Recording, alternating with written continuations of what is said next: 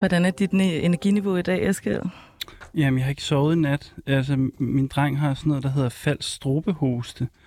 Øh, og det er vist ikke farligt, men det lyder enormt ubehageligt. Han lyder sådan hver nat, så vi har Åh, været på fedt. hospitalet et par gange hen over weekenden, og så og i går lå han og hostede hele natten. Men øh, Hvordan ved du egentlig, at det er en dreng? Øhm, jamen, ja, det er vel fordi, jeg har interpelleret ham som dreng øh, indtil videre. Jeg tror også selv, han identificerer sig som dreng, men, Okay. men det kan selvfølgelig ændre sig over tid. Øhm, men det er jo også lidt en anden snak. Men, øh, ja, det ved jeg ikke, men det, den snak skal vi jo have på et tidspunkt i hvert fald. Hmm. Mm, øh, men hvad, Laura, hvad, hvad lavede du i weekenden? Øhm, jamen, jeg gemte mig for øh, Merkur i retrograd. Øh, Nå, det var det, du snakker også, om i går også. Jamen, det kommer måske også til at fuck teknikken lidt op, men det kan vi lige se. Øhm, men så jeg, jeg tog ud af byen sammen med nogle venner, der skulle skrive speciale, så kunne jeg lave mad til dem. Ah, okay. Ja, Nå, men det var da meget, meget rart. Eller? Hvad hedder det? øhm, Jeg tænkte på i weekenden, vi, vi, øh, vi glemmer lidt at sige, at, øh, at til lytterne, at hvis de kan lide programmet, så skal de huske at dele det. Det skal vi blive lidt bedre til. Ja. Det har jeg hørt, de er mange andre radioprogrammer gør. Ja. Det skal vi huske at gøre i dag. Men øh, tryk på jinglen, så går vi i gang. Gør jeg.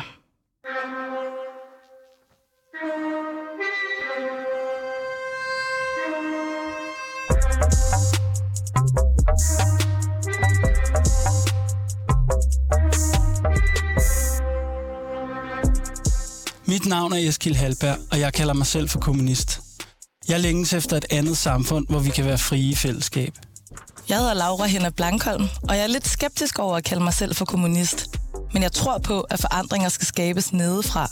Vi er begge vokset op i den neoliberale kapitalisme som den eneste virkelighed. Men vi lever også i en tid med krise og voksende global ulighed overalt, hvor vi kigger hen. Derfor må vi lave det hele om, og derfor må vi arbejde for en revolution. Sammen med eksperter, aktivister, kunstnere og kammerater har vi sat os for at genformulere en kommunisme for det 21. århundrede. En kommunisme med klassekamp, klimakamp og kamp mod racisme. Men hvad betyder revolution egentlig? Hvad kan vi tage med fra historien, og hvad skal vi efterlade? I programmet jagter vi det mod og begær, som ulmer over alt. Vi skal finde ud af, hvad der skal rives ned, forløses og bygges op. Vi kommer til at tale om, hvordan et nyt samfund skal se ud, og hvilke strategier vi skal bruge for at nå derhen. Med andre ord skal vi hver tirsdag mødes i et værksted for revolutionen. Vi har kun vores lænker at miste, men en verden at vinde. Velkommen til Revolutionen, en verden at vinde. Det er en eftermiddag i november, og du har slidt på dit lønarbejde hele dagen. Du blev nødt til at løbe ud af døren for at hente unger. Du snakker med din partner om aftensmaden, men I ikke længere elsker. Nu er I faktisk bare kollegaer, som der har en fælles liste af arbejdsopgaver. Du skal købe ind, du skal lave mad, inden du får for få timers søvn for at gentale det hele igen næste dag. Du føler dig utilstrækkelig i familien, i dine venskaber og måske også på dit arbejde. Du kan ikke huske, hvornår du sidste gang har følt, at du havde magten over dit eget liv. Hvem er du? Hvad vil du egentlig ud over at holde julen i gang? Det tager en landsby at opdrage et barn, siges det. Men ikke desto mindre, så er der i vores virkelighed i Nordeuropa rigtig mange, som er overladt til sig selv med den opgave. Hverdagen i kernefamilien er isolerende, og kernefamilien som konstruktion er en del af den stumme tvang, hvor kapitalismen har en magt over, hvordan vi lever vores liv. I dag skal vi snakke om kernefamiliens betydning for revolutionen. For er det overhovedet muligt at øh, få et øh, kommunistisk samfund, hvis solidariteten, medfølelse og ressourcer først og fremmest for, er forbeholdt nogle meget små enheder, der ikke kan tænke ud over sig selv. Kommunismen har en lang historie for at kritisere familien. Familien er det kapitalistiske samfunds måde at sørge for, at vi alle sammen kommer på arbejde hver morgen, og sidenhen også, at vores børn gør det. Familien holdes sammen af patriarkatets forestillinger øh, om, hvilke aktiviteter, der er lønnet, og hvilke aktiviteter, skal, der skal gøres gratis. Familien er også en ekstremt voldelig institution i vores samfund. Tænk på alt det vold i nære relationer, som findes i kernefamilien over hele verden. Med andre ord hviler der et stort ansvar på kernefamilien. Men er det overhovedet muligt at skabe familier på nogle andre præmisser og på nogle andre måder? Og, og hvilken betydning har kernefamilien for privilegier, øh, kulturelt og socialt? Og hvem har adgang i samfundet til at lave familier på en anden måde? Afskaf familien er et af kommunismens gamle krav. Og i dag skal vi genbesøge det her krav.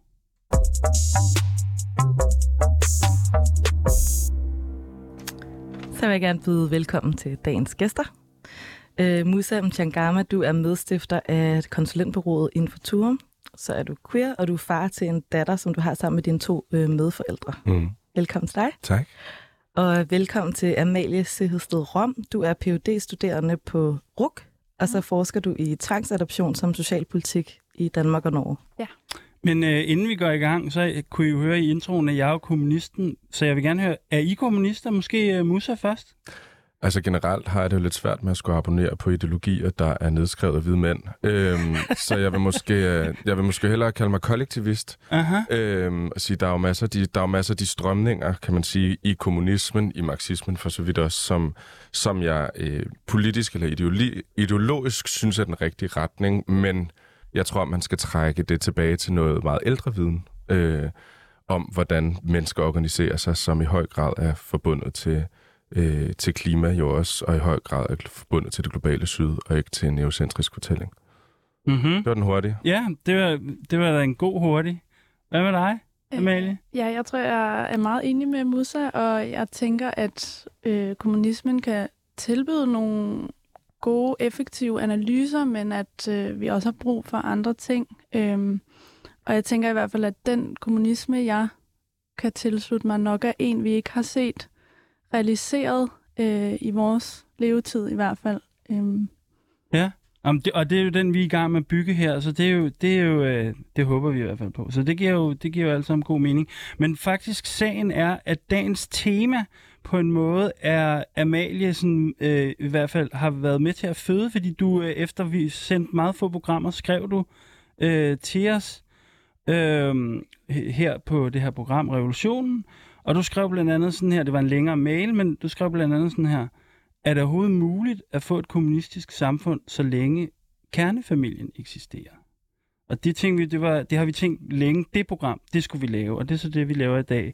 Men kan du ikke starte med, og måske også over for lytterne, sådan lige prøve at uddybe lidt, hvad, hvad mener du med det her spørgsmål, eller hvad ligger der i det? Øhm, jeg tænker, der ligger det i det, at, øhm, at for at ændre de vilkår, vi lever under, så, øh, så tænker jeg, at det er, en meget, det er et meget relevant sted at kigge øhm, på den her øh, kernefamilie som institution, øhm, fordi det er den, jeg tænker på at referere til med det spørgsmål.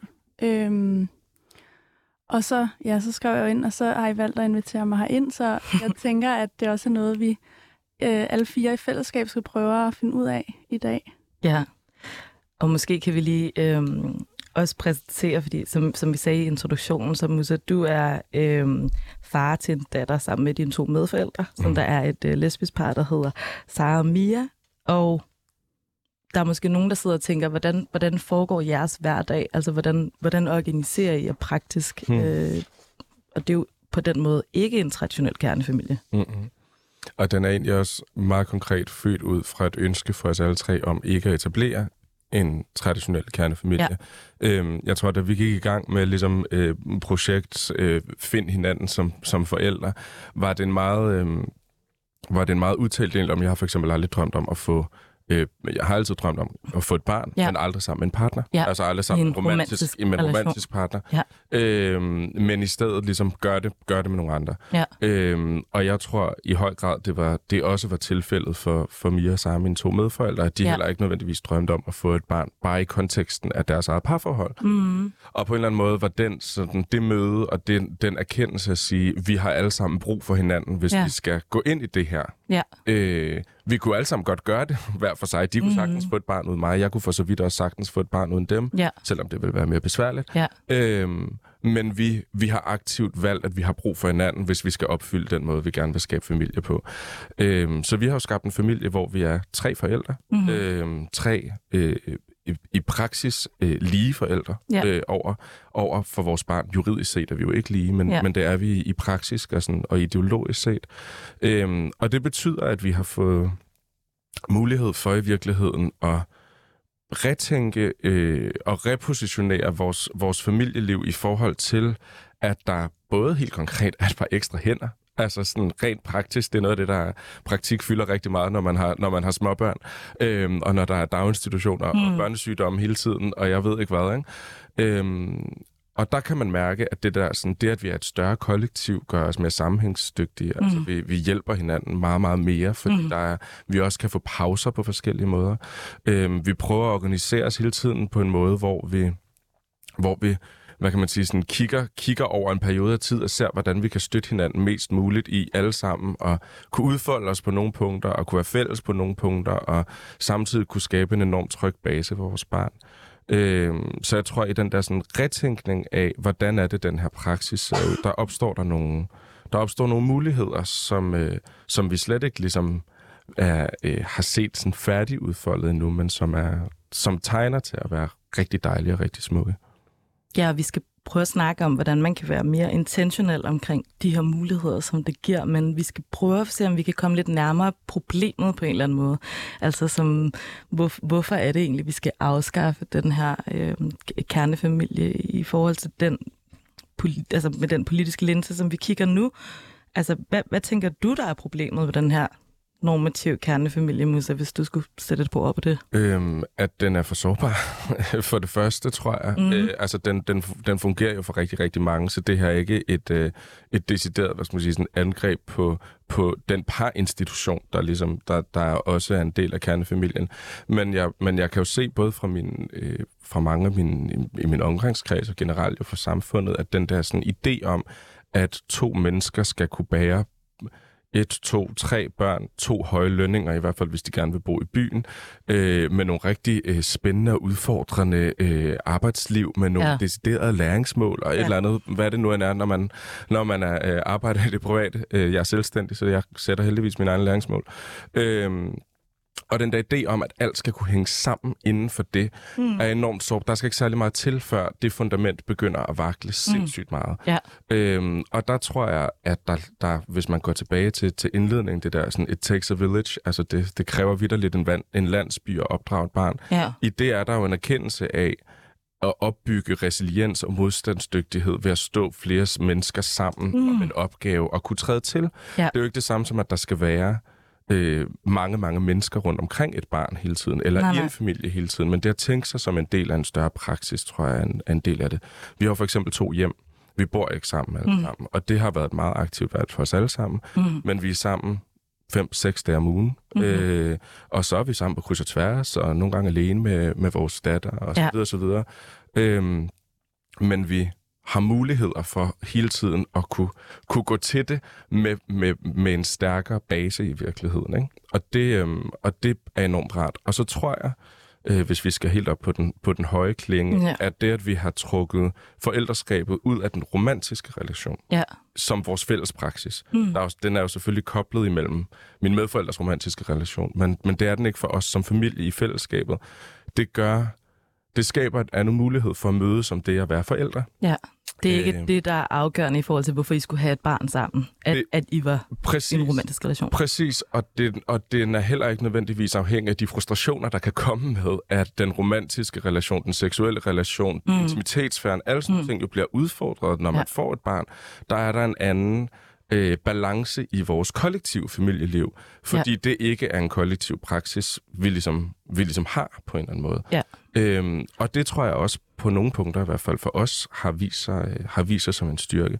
Så og så altså... helt afsluttende tror jeg bare, øh, at det for os har været en meget aktiv øh, del, det der med at se, vi ved godt, vi skaber familie på en måde, som der ikke er særlig stor præcedens for. Det kræver rigtig mange aktive valg. Vi har mm. sindssygt lang tid på at beslutte os for, hvordan vi gerne vil gøre det. Og når jeg taler med både mange af mine venner, men jo også med alle mulige fremmede, som, som spørger ind til vores familieform, så, er der, så går det igen, at folk siger, Gud, I har jo taget alle mulige samtaler, som vi aldrig nogensinde havde ja. tænkt over, før ja. vi fik børn.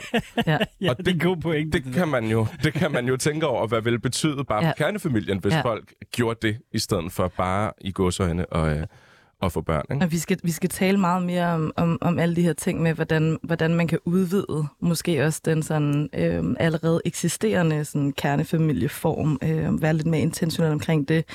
Øh, men så det er det her med, at der er noget, der er noget skrøbelighed, og der er noget, der er rigtig mange ting, der hviler også på den her øh, romantiske relation. Og måske også mange ting, som man på en måde tager for givet øh, snakke, som man ikke tager. Øh, men, men noget, som jeg gerne vil spørge dig ind til, Musa, det er det her med, at i, i din konstellation, der er der så til gengæld den her udfordring med, at I ikke har de samme øh, juridiske rettigheder øh, som, øh, altså, som øh, medforældre, øh, eller der er en af dine medforældre, som der ikke har øh, de samme juridiske rettigheder som jeg andre, og systemet er lidt lavet øh, med et heteropar som den eneste, hvad kan man sige, sådan mulighed. Øh, mm. og, og på den måde, så, så taler vi om det her med, at, at queer-familien så også skal assimileres ind i en heterofamilies norm for at kunne få nogle rettigheder. Mm. Øhm, du, du, du har fortalt mig, at, at man er skulle, altså, I blev nødt til at lade som om, at, at I var kærester i mødet med sundhedssystemet. Mm. Øhm, hvad betyder det, at dine øh, medforældre ikke har øh, de samme juridiske rettigheder? Øhm, nu kan jeg jo selvfølgelig ikke øh, fortælle, hvordan det, det føles for min, for min medforældre, fordi, øh, fordi det ikke er mig, der, der ikke har rettighederne, men jeg tror helt grundlæggende skaber det jo en enorm stor usikkerhed. Øhm, der er rigtig mange af de, øh, kan man sige, alt det, der kommer med det at have øh, juridisk forældreskab over et barn. Altså det, der er, den, der er den sådan, hvad skal man sige, socialt og politisk og juridisk forpligtende del af forældreskabet. Det vil sige øh, lægebesøg, sundhedsvæsenet, daginstitutioner, skole, øh, mødet med det offentlige, alle mulige lederinstanser, det at kunne få et pas til ens barn, så man kan tage ud og rejse, alle sådan nogle ting. Hele den del er man jo koblet væk fra, hvis ikke man har juridisk forældreskab. Øh, og det er, øh, det er jo noget, vi har været meget bevidste om fra start, altså fordi ja. det i Danmark ikke er muligt at være flere forældre end to. Ja. Øhm, og derfor har vi prøvet meget aktivt at sige, hvordan er det, vi så arbejder øh, rundt om det. Altså mm. anerkender, at, at det er sådan her, det er. Øhm, det var for eksempel også en ret stor overraskelse, at vores barn ikke kunne få øh, øh, hvad hedder sådan noget, et mellemnavn fra, øh, fra, øh, fra, hvad hedder det, fra Mia, den, den medforælder, der ikke har noget navn. Ja. Øhm, så der er jo alle mulige forskellige, sådan, der er alle mulige forskellige ting, som, som i hverdagen jo betyder, at der kan opstå følelser af enten at stå udenfor, ja. eller være øh, sat til side. Ikke så meget af os og vores praksis, ja. men af systemet ja. og dem, der beslutter, hvordan en familie er. Ja. Øh, for det er jo en politisk beslutning. Ja. Øh, og man kan sige, det er jo i høj grad vi har ligesom aktivt prøvet at sige, at vi vil kæmpe for at udfordre de her ting, vi vil kæmpe for at skabe øh, andre muligheder.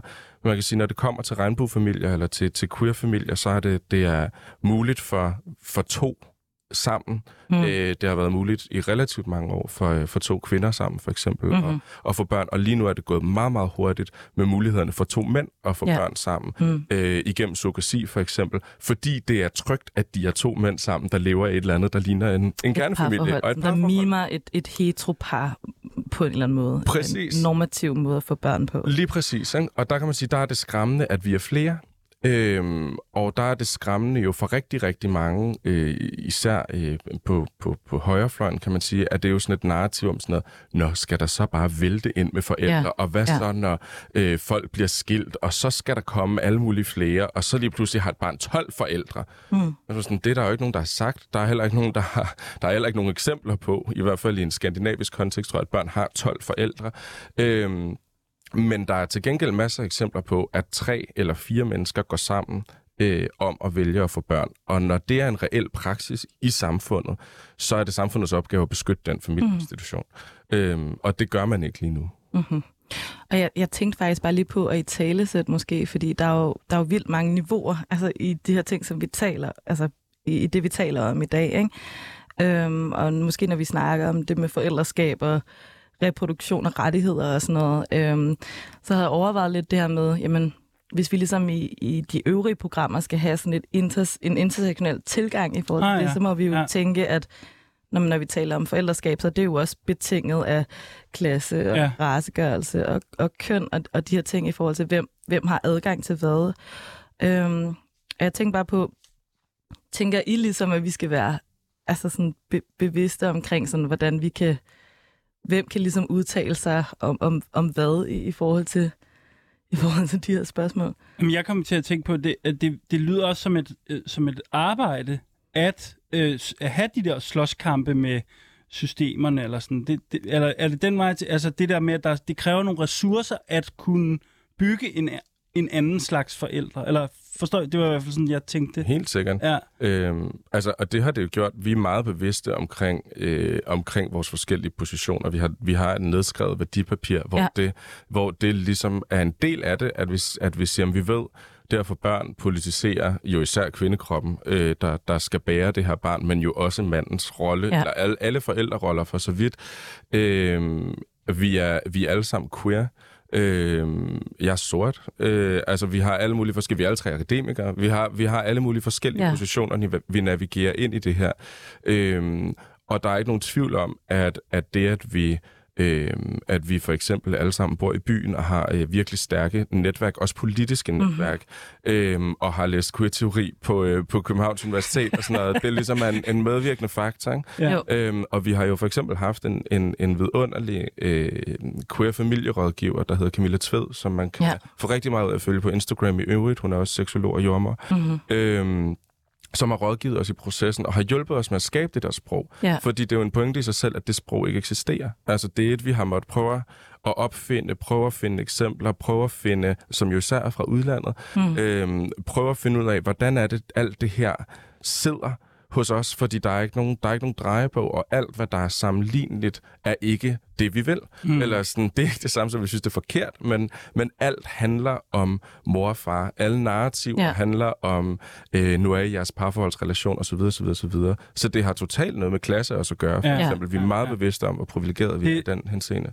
Det er sjovt det der med, at, det, at, at I har lavet, etableret den der forskel, som gør, at I ligesom bliver nødt til at tage en masse snak om, hvad det, hvad det vil sige at være familie. Det tænker jeg bare er virkelig meget, kernefamilien kan lære enormt meget af. Eller Mm. den der erfaring af, at, at familien, lige meget hvordan man organiserer det, er en politisk institution, og det bliver man nødt til at snakke om. Sådan. Det synes jeg er ret spændende. Men jeg kunne godt tænke mig at få dig også på banen, øh, Amalie, fordi du kommer et lidt andet sted fra, eller sådan... Øh, fordi øh, øh, du fortalte mig, da, da vi talte sammen i, i, i telefonen, at øh, øh, du forsker i det her tvangsadoptions, tvangsportadoptionsspørgsmål, Hmm. øh, og kommer til familiekritikken den vej igennem. Det synes jeg var spændende. Kan du, kan du ikke sige noget om, hvor- hvordan opdager du, at famili- øh, kernefamilien gennem din forskning? Altså helt grundlæggende, så, så kan man... Øhm, altså jeg kigger på øh, den nuværende tvangsadoptionspolitik, som der bliver praktiseret i Danmark og i Norge, øh, og som især er blevet mere og mere øh, praktiseret gennem de sidste 10-20 år. Øh, og det, det bliver tydeligt der, at staten anerkender og regulerer og støtter visse former for forældreskab, mens den ignorerer eller ligesom mm, umuliggør andre. Øhm, og for at vende tilbage også til, til Lauras spørgsmål, altså der, der tænker jeg også, at der er en rigtig vigtig pointe i, at både kunne snakke om øh, kernefamiliens opløsning eller kritik af kernefamilien, øhm, og samtidig ligesom have øje for, at, at man må kæmpe for den basale ret til familieliv Mhm. og til øh, det, der hedder reproduktiv retfærdighed. Ja. Øhm, Altså helt grundlæggende, det retten til, at man selv må bestemme, om man vil få børn, og i, og i, hvil, og i hvilken sammenhæng, helt, sådan helt basalt. Ja, og, og, og sådan, at, at, man, øh, at man har ret til at befinde sig på samme måde over for staten øh, i forhold til sit familieliv lige meget, om man er arbejderklasse eller overklasse, eller om man er øh, hvid eller brun eller sort. Altså, at øh, Ja. man har de samme rettigheder. Kan du sige lidt mere om det der med staten? Det synes jeg er ret spændende, hvordan staten ligesom... Altså, det som jeg hørte dig sige, det er, at staten har nogle særlig, en særlig forestilling om, hvad en rigtig familie er. Kan du sige lidt om, hvad er det for en forestilling? Eller sådan? Ja, altså, øhm, det bliver jo også meget tydeligt gjort af, af Musas fortælling, vi lige har hørt, at, øh, at der er ligesom en bestemt institution, øhm, som er et billede på, hvad den normale familie er. Øh, så der er sådan en, i både sådan politiske diskurser, i lovgivning, i, i alt muligt, der er der sådan en normaliserende kraft. Øhm, og øh, jeg synes, det er et meget godt eksempel på, hvordan at den her øh, familieinstitution meget er defineret som, eller defineret i den øh, hvide øh, heteroseksuelle middelklasse familiebillede. Mm. Ja. Øhm, fordi det, det, det lagde jeg mærke til, øhm, da der var kommunalvalg i Københavns Ja, Kommune. ja. Øhm, der var der en hel masse øh, valgplakater, øhm, og, det, og de havde det samme slogan, Ja. at der skulle være plads til leg, øhm, og det var både det konservative øh, Folkeparti, det var SF, det var Enhedslisten, det var hele Ja. spektret rundt, og der bliver det meget tydeligt, at det er en særlig families børn, der, Ja. der skal have plads til leg, når man samtidig kan have en såkaldt ghetto-lovgivning, Mm. øhm, Mm. og en masse af de her politikker, der mistænkeliggør øhm, altså de familier, der falder uden for den her normaliserende øh, kraft. Det er jo spændende det her at med, at, at familien som sådan ideologi, eller øh, sådan, øh, hvad skal vi kalde det, institution, den, den er så stærk, at den nærmest er på hele det politiske spektrum. Ja. Der er nær, stort set ingen forskel. Vel? Mm. Mm. Altså, må jeg tilføje noget? Fordi jeg tror, jeg synes, det er så rigtigt og vigtigt i øvrigt, det du siger. Jeg, jeg, har, øh, jeg, har, jeg har været politisk og sådan aktivistisk aktiv i, øh, i, i snart 20 år, skulle jeg til at sige, i, i forskellige sådan antiracistiske og, øh, og, og politiske bevægelser, og jeg har aldrig oplevet et felt, der er så, altså sådan, så normativiseret, Ja. øh, og så konservativt mm. i virkeligheden også, som lige pludselig at skabe en familie. Fordi det er så tydeligt, hvordan det der institutionelle lag fra staten, hvordan det politiske blik gennemsyrer vores sprog også. Altså mm. alle forestillinger skal kunne trækkes tilbage til øh, til den politiske idé om, om, om en eller anden form for sådan statsregulerende kraft. Ikke? Og til kernefamilien. Alt skal tales ind i den praksis, hvis man skal kunne forstå det, og så videre, og så videre, og så videre. Og det er sådan, det er jo helt ned i, i bitte, bitte, bitte små sproglige, sproglige niveauer, at Ja. man føler det der politiske lag, du taler om, i hvert fald i praksis, når man Det, er i det er det. ekstremt sådan naturligt, naturligt gjort, at det er den her virkelighed, som der eks- eksisterer for, for rigtig mange. Øh, vi snakkede også lidt om det her med, hvordan kernefamilien egentlig er opstået i vores kontekst, fordi det har jo ikke altid været sådan, at man kun boede øh, i den her enhed to forældre øh, med børn.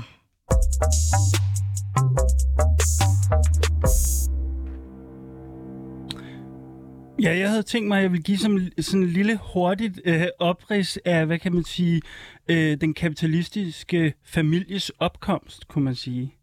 Øhm, fordi hvis, hvis man går tilbage i historien så f- og, og leder efter, hvad skal vi sige, institutioner eller praksis op, op, oprindelse øh, herunder familien, så finder man ud af, at familien har jo ikke altid set ud, som den gør i dag, øh, kan man sige. Og, og derfor ligger der noget spændende i det der med at hi- historisere, kalder man det ikke? Altså at kigge tilbage, hvordan har noget set ud anderledes. Fordi i det, så viser det sig, at noget også kan, blive, noget også kan laves om, simpelthen. Ikke?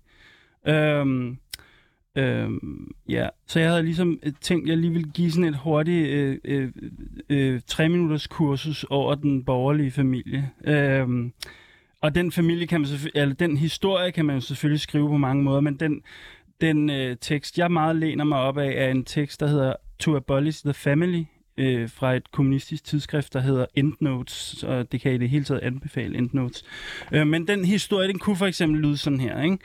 Øh, vi kender, øh, det vi kender, der vi, hvor vi kender kernefamilien fra, øh, der hvor den oprindeligt bliver indstiftet, det er, øh, hvad kan man sige, i øh, angrebet på det, man kunne kalde sådan en intergenerationel storfamilie på landet. Den blev på mange måder sådan ødelagt og bekriget på det tidspunkt, hvor landbrugsjord blev privatiseret, og den stærke urbanisering øh, blev etableret. Så resultatet blev den her familie, hvor den mandlige proletar ligesom skal brødføde øh, konen og børnene i, i en storby med fabrik, kan man sige.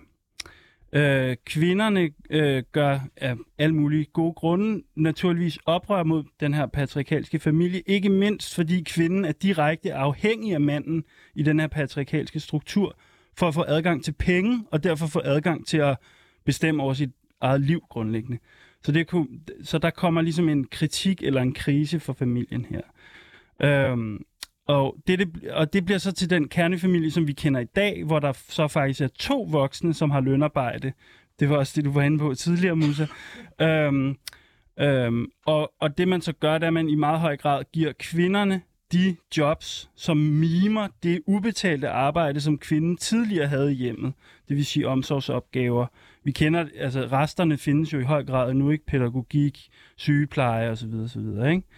Øhm, øhm, så den, den her familiestruktur, den lider jo på en måde stadigvæk under det her med, at i dag er det faktisk en nødvendighed, at en familie skal have to voksne med fuldtidsløn, så at sige. Ikke? Og der er der jo faktisk rigtig mange mennesker rundt omkring i verden, og også i vores del af verden, der slås rigtig meget med det her med, at man skal have to fuldtidsindkomster. øh. Nå, en lang historie kort, det er, at man kan sige, at i 60'erne måske øh, og frem, der kommer så en ny familiekritik, som blandt andet kommer fra sådan den lesbiske øh, bevægelse, bøssebevægelsen, kyrbevægelsen, som ligesom, kan man sige, bekriger eller bekæmper den her families sådan, øh, forstadslivet, eller den ensomhed, der er knyttet til den her øh, kernefamilie. Og der, og, ja, og der ligger på en måde et oprør i det stadigvæk, kan man sige. Ja, fordi måske er det den krise, som vi også står midt i i dag, og så er spørgsmålet jo, hvad er det kommunistiske svar så på den familiekrise?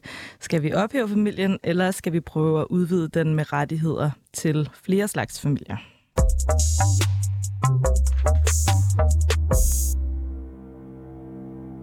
Ja, det var sådan måske sådan lidt marxistisk øh, gennemgang af familie. For det, den historie kan man så naturligvis sige på, øh, skrive på mange måder, men nu var det lige den, den øh, måde, øh, jeg skrev den på. Men, og lidt i forlængelse af det, så kunne jeg godt tænke mig at øh, spørge dig, Amalie, fordi du går jo lidt til det her spørgsmål sådan gennem øh, staten, kan man sige, ikke?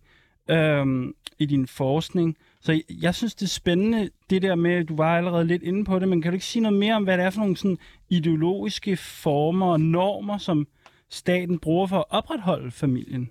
Altså, forstår du, hvad jeg spørger om? Øhm, ikke helt. Okay. altså, kan du komme på nogle eksempler? Øh, du var jo inde på det der med tvangsbort adoption. Mm. Men kan du komme med nogle andre sådan, eksempler på, øh, hvad altså, hvad familiens problem er, kunne man måske sige? Øhm, ja, altså der, der er virkelig mange øhm, aspekter, synes jeg. Øhm, og jeg kan nok ikke sige dem alle. Øhm, men et, som jeg, som jeg synes er øh, vigtigt og interessant at tænke over, når man tænker på kernefamilien, det er øhm, øh, kernefamiliens forbindelse til nationalstaten. Øh, øh, og det her med, at kernefamilien, ligesom nationalstaten, er en lukket enhed, øhm, som er baseret på et slægtsbestemt fællesskab, øhm, og som det forventes, at man forsvarer imod andre. Øhm, og det ser vi jo også, hvordan de nationalistiske og racistiske nationalstater, ja. øhm, for eksempel den danske, som vi lever i, øhm, bruger de her principper til at ekskludere og dræbe øh, mennesker, der bliver set som udenforstående for det her fællesskab. Dem, som der ikke er en del af det, du også har kaldt for blodets bånd. Ja. ja. Ja, det synes jeg, da vi talte i telefonen sammen, der havde du den her virkelig... Øh, øh, jeg synes jo, at det var en tankevækkende pointe, som jeg ikke havde tænkt over, at den måde, vi tænker øh, familie på nu, er knyttet til hvor jeg er blodet simpelthen, ikke? Mm. Jeg kan du prøve at sige noget om det? Det synes jeg var lød ret... Men måske, men måske også det her med, at det på den måde reproducerer racisme Altså sådan, det, det, det, er måske en lidt, det er måske svært for nogen at forstå den kobling, at, at man igennem familien kan reproducere klasse og, og, og racisme. Hvordan, hvordan det? Ja, altså jeg tænker, at den her kritik også går igennem slægtskabsbegrebet, øhm, og en kritik af det, eller en diskussion af det, øhm, som jeg tænker sådan i, i den dominerende forståelse af slægtskab, så tænker man på øh, biologisk øh, ja, blodforbundne slægtskaber, øh, og at det er dem, der er de rigtige slægtskaber, det er dem, der udgør den rigtige familie, og det, det er også det, man kan se i forhold til øh, tvangsadoptionspolitik, øh, at der staten kan jo ikke erstatte øh, den biologiske, eller hvad hedder den genetiske sammensætning, men de kan juridisk øh, lave et slægtskab, der er så højst mulig grad mimer ja. Ja. det her øh, slægtbestemte slægtskab, som er lidt ligesom igen for at vende tilbage til det der med nationalstatens øh, principper. Det er eksklusivt. Der kan kun være mm. en mor, en far, mm. øhm, og det er en lukket, juridisk beskyttet enhed. Øhm, Og hvad med det der med klasse? Du, ej, nu bliver jeg lidt marxisten her, det må jeg undskylde, men det er jeg jo også. Det har du allerede claimet. men kan du sige noget om, hvilken, hvilken rolle familien spiller i klassespørgsmålet? Det synes jeg også er spændende. Øhm, altså, jeg, jeg tænker også på øhm, den feministiske forsker, der hedder Patricia, Patricia Hill Collins, der har skrevet om det her med, hvordan øhm, kernefamilien, for at vende tilbage til det der med at naturliggøre, den mm. naturliggør eller naturalisere mange af de hierarkier, øhm, der er i samfundet, så en kerne, den, den kernefamilieinstitution, øh, som vi kritiserer i dag, den ligesom normaliserer indtil, at alle indtager de pladser i hierarkiet, de skal. Mm-hmm. Øhm, og så tænker jeg også, at øh, en meget sådan, basal vigtig ting i forhold til klasse- og kernefamilien er spørgsmålet om arv og ejendom. Ja. At, øh, at jeg tænker, det er grundlæggende øh, ligesom klasse-reproducerende, at man øh, arver fra sine forældre, så ens livsforløb i så høj grad er bestemt af ens forældres øh, klasseposition. Det er en Ja. god pointe. Musa, du havde om noget? Ja, fordi øhm, det slår mig bare, når du siger alt det her, at, at det har været en meget, øhm, en meget stor del af min rejse hen imod at, at beslutte mig for, at jeg gerne vil have et barn. Hmm. At blive spurgt nærmest fra jeg, øh, nærmest fra jeg var 17-18 år, skulle jeg til at sige, af mine veninder, om jeg ville være far til deres børn, hvis de ikke havde fået en mand, når de var 35. Wow. Øh, eller 40, eller hvad det nu end var, ikke? Jo. Øhm, og det, det kan man sige, hvordan hænger det sammen med det her? Men jeg synes, det er et ret godt eksempel på, at muligheden for at retænke familien, Ja. øh, måske især for kvinder, og måske især for heteroseksuelle kvinder, den øh, er begrænser sig til øh, tabet af kærlighed på ja. En eller anden måde. Ikke? Det det. Øhm, og der er jo i, i, i, hvad kan man sige, i queer-miljøer har der været en lang tradition for øh, at tale om chosen family, og for Ja. at arbejde med konceptet chosen family, blandt andet fordi der har været en stærk tradition af, at familier har udstødt folk, ikke? Så en, en Øhm, familie, man selv vælger, som familie- der ikke er blodsbeslægtet. som ikke har noget med blod at gøre nødvendigvis, men som sker, fordi man vælger hinanden til, ja. og fordi man siger, vi har brug, vi alle mennesker har brug for ankre, og for livsvidner, og for forbindelser. Øhm, og det er der, en, det er der en, en stærk mulighed for at gøre, hvis man bevæger sig i, i queer kredse, fordi der er et narrativ omkring det. Det narrativ begynder at have en eller anden form for sådan spillover til, Ja. til dele af samfundet. Mm. Ikke? Der er også flere og flere kvinder, der vælger at få børn selv, alle sådan ja. ting for eksempel. Men det er hele tiden stadig i en heteroseksuel kontekst i hvert fald, begrænset til den der sådan, er der en mand, eller er der ikke en mand? Og det er Ja. kun, hvis, hvis han ikke var der, at, at muligheden for at retænke det så kommer op. Ja. Og det siger noget om, hvor stærkt det der narrativ, du Ja. taler om, om slægtskabet, om blodet, om altså hvor meget det er institutionaliseret i virkeligheden, ikke? Jeg kunne faktisk godt tænke mig at snakke lidt om det her, du siger med tabet af kærlighed. Mm. Altså i, i forhold til, til måske også at de her stærke narrativer, der er forbundet med at skabe en kernefamilie, også er forbundet med vores idéer om, hvad det vil sige at være lykkelig, eller altså sådan at, at få lykke. Hmm. Øh, for der er de her samfundsmæssige strukturer, som der reproducerer alt det her, men, men, når vi, men jeg tænker også på, at kernefamiliens problem, måske også er det her med, at mange de vælger kernefamilien simpelthen af frygt for at blive efterladt tilbage på perronen, når alle andre øh, går ind i de her sådan, små øh, kernefamilieenheder. Øh, enheder. så, så jeg tror, det er det, som Sarah Ahmed kalder for øh, the promise of happiness. Altså man bliver ligesom lovet en, en form for, for lykke. Ikke? Og En på- meget stærk ideologi, det der, ikke? virkelig stærk, ikke? Og så, og så på den anden side, så er der jo mange, spændende. altså på, på den anden side, så er der jo mange, som der øh, jo faktisk ikke opnår den her lykke, Mm. altså i kernefamilien, øh, og som der, ja, det ved jeg ikke, måske så er u- ulykkelige eller bliver skilt, og så prøver at danne nye kernefamilier efter det. Øh, og Musa, du, du har fortalt mig også lidt, at nogen sammenligner din familie med en skilsmisse Mm. fam- familie Mm. på en eller anden måde. Vil, Mm. vil du prøve at sætte nogle ord på det? Altså det her med, at har der ikke været et brud? Er der ikke noget, som I hellere ville have? Ah, ja, selvfølgelig. Ja, øh, og det, det, øh, det, er der, det er der jo for det første ikke, hvilket vender tilbage til, til det, jeg sagde i start med, at vi, vi meget aktivt har valgt, valgt hinanden til for det første. Ikke? Øhm, og man kan sige, kobling til det, vi lige talte om nu, så, så var det for mig, har det for mig været meget vigtigt, at jeg ikke var nogens valg på grund af at selv at være blevet fravalgt et andet sted. Ja, ikke? ja. Altså, øhm, men, men lige præcis i forhold til det her med skilsmissefamilien, så er det et meget godt blik på, hvordan ikke-normative familier som Ja. vores, hvis lad os, lad os frame det på den måde, Mm. øhm, kun kan forstås i konteksten af kernefamiliens opbrud ja. På en eller anden måde. Ikke? Ja. Øh, så når folk hører, at vi er tre, så er de sådan, Nå, jamen det er jo ligesom, vi er jo også skilt nu, og min mand ja. Har jo fået en ny kone, men det fungerer altså okay, men nogle gange fungerer det ikke så godt, fordi nogle gange er hun jo frygtelig, men så andre gange, så fungerer det jo rigtig hyggeligt, og bum bum bum. Og så er sådan, men det der har ikke noget med mig at gøre.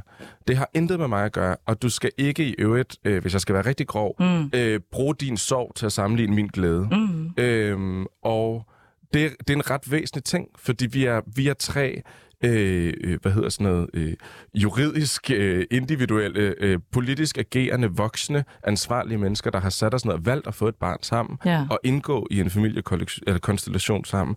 Der er ikke nogen fravalg forbundet med det. Der er ikke nogen, der, øh, der er ikke nogen sorg, der er ikke nogen opbrud, der er ikke nogen præst-kærlighedsrelation, der er ikke nogen af de der ting, og hvis den eneste måde, man ligesom kan prøve at forstå vores familie på, er ved at kontekstualisere det, øh, så, øh, så fejler man. Øh, I hvert fald i vores blik. Ikke? Fordi det er heller ikke det der med at have to hjem, for eksempel. Nej. Ligesom heller ikke er et fravalg af den samhørende At kun have et hjem. Nej, præcis. Der er ikke nogen, der er gået. Eller ja, sådan. ja. Ja, jeg, jeg kunne godt tænke mig at tale lidt mere om det her med, hvad er det for nogle udfordringer, som det måske, som kernefamilien så kan give os, som altså politiske, politiske væsener. Og det her, det er måske en lidt sådan et lidt sn- snævert sådan sammenligningsgrundlag i, i forhold til den her erfaring, men jeg oplever i hvert fald, at i Danmark, der er der mange på sådan en aktivistisk, udenomsparlamentarisk del af venstrefløjen, som der lidt trækker sig tilbage og stopper med at lave aktivisme, øh, når de er i 30'erne, eller når de får, øh, når de får børn. Det kender jeg ikke noget til. Og vi har, vi har talt meget om det her, Eskild, altså på mange forskellige måder, og vi har talt om, måske det er fordi, at kapitalismen også gør det svært at lave politik som en del af kernefamilien, fordi der er det her med, at man skal reproducere sig selv, og så skal man gå på arbejde, som vi har vendt tilbage til flere gange. Ja, ja men, ej, men nu kommer jeg bare til at stene over, hvor, hvor god den der karakteristik er af mit eget liv. Men, men altså, øhm, Altså, at du stoppede med at lave ja, altså, at, at øh, der er noget om snakken, altså. Den er, det, det, det, det virker, altså. Øhm, nå, men, men, øh, men, men jeg kunne godt tænke at, at, at spørge dig, Amalie, det der med, at for jeg er interesseret i det der med, det, med, med besværet. Altså det der med, at der er en særlig struktur, som ligesom gør det svært at leve på andre måder. Eller sådan. Og jeg kom til at tænke på det, fordi du ligesom har det der udgangspunkt med, at staten ligesom er den aktør, som ligesom øh, prøver at opretholde den her særlige forestilling om, om, om familien. Så kan, kan du måske sige noget om, hvad er det, der ligesom besvær... Er der nogle strukturer? Det er lidt abstrakt spørgsmål. Er der nogle strukturer, som ligesom tvinger sådan en som mig, for eksempel, sådan, øh, øh, så jeg ligesom bare ryger ned i den der kasse der? Altså. Øhm, ja, altså... Mm, Det er lidt sværmerisk spørgsmål. altså, jeg tænker, at der er selvfølgelig nogle sociale krav og normer, der, der, der styrer, hvad man kan forestille sig kunne være godt, ikke? Også for at vende tilbage til det der øhm, Sarah Ahmeds øh, The Promise of Happiness. Altså, hun har også det her begreb om øh, familien som happy object. Ja. Øhm, Ej, hvad er det? Kan du ikke sige noget om det? jo, det betyder, at... Øh, og det er ikke sådan specifikt teoretisering over staten. Det, det er ligesom... Øh, bare lige for at få det på plads, men det, det betyder, at for eksempel familien bliver noget, som vi alle sammen skal orientere os hen imod. Det får sådan en orienterende kraft, Mm-hmm. fordi det er her, vi kan være lykkelige. Det er her, det lykkelige og det rigtige og det gode liv er. Så det bliver en kraftanstrengelse at, og næsten umuligt at orientere sig væk eller orientere sig et andet sted hen øhm, ind mod Ja, familien. ja, ja. ja. Øhm, Ja, om jeg, jeg stiller også spørgsmål, fordi vi, vi, da vi forberedte os, havde vi nemlig den her diskussion om, på den ene side kan man sige, så er der ligesom øhm, nogle strukturer. Det er sådan, måske, jeg, måske prøver at retfærdiggøre min egen, min egen livsstilling lige nu. Men det der med, at der er noget, der er noget ydre, der ligesom har bestemt, at nå, men det, det blev bare sådan, og det, der var ligesom bare, øh, det, var sådan, det var sådan, det blev. Og så, så så, øh, Laura, du var også sådan lidt, ja, men altså, folk kunne også ligesom lige åbne vinduet og kigge ud nogle gange og se, at hvorfor, hvorfor gør, prøver vi ikke at gøre noget andet? Eller sådan, eller Men, noget, men også fordi, at der er andre steder i verden, sådan som jeg oplever det, ikke er den samme mulighed for det med at sige, når man så var politik, det var for eksempel noget, som der bare var knyttet til mit ungdomsliv, inden jeg fik børn. Mm. Og, og på den måde, så, når man tænker på, hvorfor er det så sådan i Danmark, så er det der med, at velfærdsstaten altså en, en, faktor, en faktor i det her på en eller anden måde, at sådan, på en eller anden måde, så er det jo en sejr, men på den anden side, så er der måske også det her med, måske har man ikke det samme livsnødvendige behov for at skabe kollektiver og for at være sammen, og derfor så kan man ha- være i den her isolerede kernefamilie. Mm, ja, ja. Du havde, du havde hånden op? Ja, jeg kom bare til at tænke Ja. ja. på, at, at øhm, i forhold til det der med, med struktur og velfærdsstatens opbygning og sådan noget, at, at det jo også er en sådan grundlæggende ting, at kernefamilien også, altså ja, rent institutionelt, bliver øh, centrum for omsorg og kærlighed. Øhm, så, så det er jo måske ikke så mærkeligt, at og igen det der med, at den, den har en orienterende kraft, at det er der, man vender sig hen, og det er jo også det her med, man kan kritisere kernefamilien, som vi også har været inde på, for øhm, at være et usikkert sted, altså øh, vold i hjemmet og så videre. Jeg tænker på Mm. et øh, WHO-citat om, at øh, vold i hjemmet er den mest udbredte og mindst rapporterede menneskerettighedskrænkelse. Mm. Øhm, og jeg tænker også på den vold, vi ser øhm, for eksempel i forbindelse med social- og familiepolitik, hvor staten regulerer og intervenerer øh, i visse familieformer øh, mere end i andre. Øhm, men der er jo samtidig også at det her med, at det er i familien, at, at vi, vi får tryghed, at vi slapper af, at vi bliver mødt, selvom at vi har en dårlig dag, eller sådan, og, og det er både på et socialt plan, men også på et statsligt plan. Det er der, man forventes at vende sig hen. Jeg kan, hu- ja. jeg kan huske, at du, du Amalie, du nævnte det her med, at øh, du også ligesom havde øhm, nogle, øhm, du havde sådan, du, du foldede sådan en analyse ud, der også løb sådan på en måde gennem psykologien og sådan børneopdragelse og sådan noget. Kan du ikke sige noget om det? Det synes jeg også var ret spændende. Altså, Øhm. hvordan staten ligesom bruger nogle af de her diskussioner om... om øh, Jo, øhm, det, det, det er helt specifikt, fordi jeg har faldet over, at øhm, den måde tvangsadoptionspolitikken er blevet defineret på, øh, både i Danmark og Norge, låner rigtig meget fra øh, udviklings- og tilknytningspsykologi, øh, hvor der blandt andet er det her paradigme om stabilitet er vigtigt, og jeg tænker også, det er her, vi finder det paradigme, du nævner, Musa, om gud nej, der må ikke være mere end to forældre. Altså, altså Øhm. det, han, det handler om, at, at, at den måde, socialpolitikken er lavet på, følger meget sådan en øh, måde at tænke børns udvikling. Altså sådan, hvad er det, der sker, når, når man har et spædbarn? Øh, der, er det, der er det helt nødvendigt med stabilitet, og, og man snakker meget om, Ja. der sker noget i den her tilknytning til forældrene, øh, som der kan have store konsekvenser. Øh, Ja, og det er jo, og det er jo, det er jo et led i, at, at psykologi kommer til at spille en stor rolle for social- og familiepolitik, som jo, jeg tænker også, at, at et argument for det er at lade en videnskab, en psykologi, styre beslutninger i stedet for normer om, øh, som socialpolitikken i gamle dage, de her børn, de render rundt, mm. de stjæler, og de opfører sig dårligt og sådan noget. ja. Øhm, men det er så bare interessant, nu prøver at gøre det lidt kort, men det interessante er, hvis man undersøger øh, videnskabshistorien bag de her psykologier, så bygger de meget, meget tydeligt på nogle meget sådan, historisk situerede og politiske øh, idéer om kernefamilien, om omsorg. De bygger på den her idé om den moderlige omsorg som central, og altså den tilknytning, der er mellem mor og barn, som øh, fuldstændig afgørende og enestående, hvor man, man kan diskutere, at det ikke er et meget øh, politisk bestemt øh, syn på, hvad omsorg er. Skal Ja. Men, men er pointen, at, at udviklingspsykologien har måske ikke ændret sig, altså sådan i takt med, altså at man baserer socialpolitikken på et, en tankegang, som der er meget sådan old school, eller hvordan?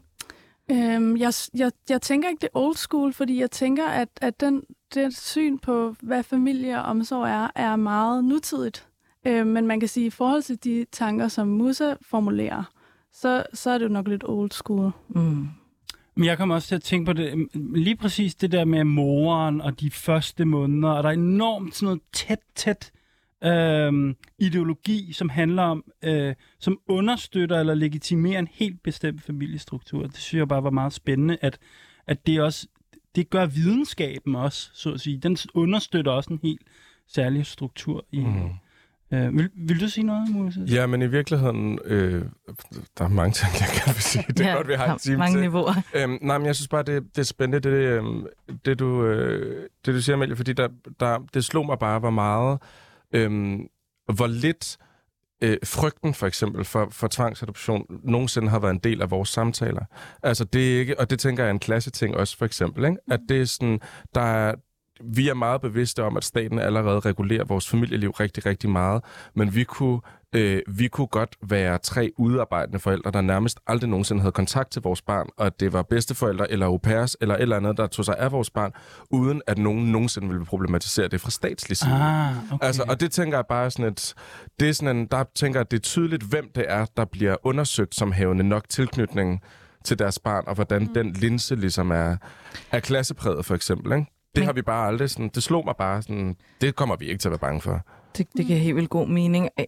Vi, vi startede lidt ud med det her med at spørge, sådan, når man, er, der, er der noget bestemt ved kernefamilien, som der gør det besværligt at være sådan politisk øh, menneske, eller lave, lave politik på nogle bestemte måder? Har, har du tænkt, ja, la- Ja. et problem for revolutionen.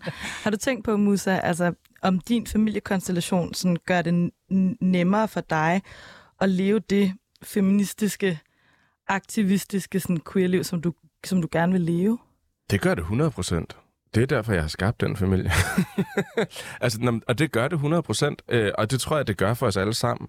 Øhm, måske ikke nødvendigvis øh, fra start, Nej. Altså forstået på den måde, og det synes jeg var, det var et af de allerbedste råd, øhm, vi fik, da, da, vi, øh, da vi gik i gang med at få et barn. Det der med at sige sådan, der er jo en idé om, især i, i feministiske og, og queer kredse, at alting skal, og i, i kommunistiske jo selvfølgelig også, at alting Ja. skal afmonteres hele tiden. Ja, Øhm, og det, det skal de også, men jo med et meget langt perspektiv. Ja. Altså, der behøver, vi behøver ikke at afmontere det hele fra barnets første dag. Nej. Det er okay, hvis der for eksempel er en, der ammer, er det okay, at der er en særlig tilknytning mellem mm. Det der bryst, hvor der er noget mad, og Ja. det der spædbarn. Ja. Det er okay, Ja. fordi den kommer til at udvikle sig, så vi andre får en anden rolle på et andet tidspunkt. Mm. Du ved.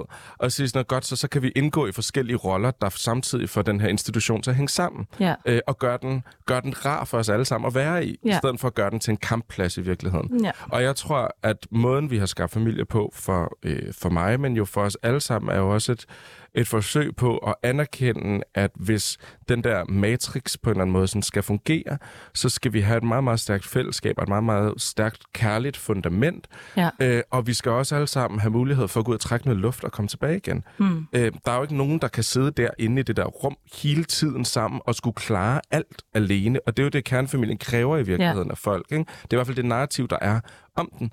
Og det kan man ikke. Øhm, så for mig hænger det der familieliv uløseligt sammen med det, og det at være, have skabt familie på den her måde, det at have forbundet mig til, til to andre mennesker og et barn, det at have øh, været på, hvad kan man sige, på den, sådan, den mandede side af at gå igennem sådan et, et reproduktionsrettighedsforløb, som fertilitetsbehandling er, har været jo, er jo en kæmpe lektie i øh, i feminismen i praksis, kan man sige. Altså, hvor politiseret kvindekroppen er, hvor, øh, hvor omdiskuteret kvindekroppen er. Øh, og, altså, hvis man, er, hvis man er mand og har en kvindelig partner, så er det at få et barn den oplagte mulighed for at erklære sig som 100% feminist, hvis ellers mm. man så spørger ind til, hvad det rent faktisk betyder, Mm. øh, og gå igennem sådan nogle forløb, fordi det har været en kæmpe øjenåbner, sådan, ikke på et teoretisk niveau, men på et meget praktisk niveau.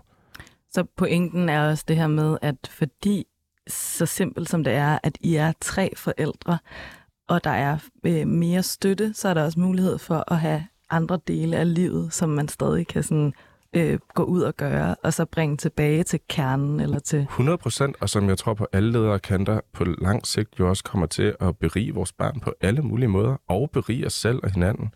Og i- der er måske også, også andre, der lever i de her øh, hetero-kernefamilier. Jeg synes, at Mhm. mm. altså, der er mange strategier i det, du siger, men det skal vi jo snakke videre om. Mm. Ja, i næste time, der skal vi nemlig tale mere om, hvordan vi kan forstå kernefamilien som et problem for revolutionen, som vi også har talt om nu, men vi skal også tale om, hvilke nogle strategier kan vi så bruge for at afskaffe kernefamilien.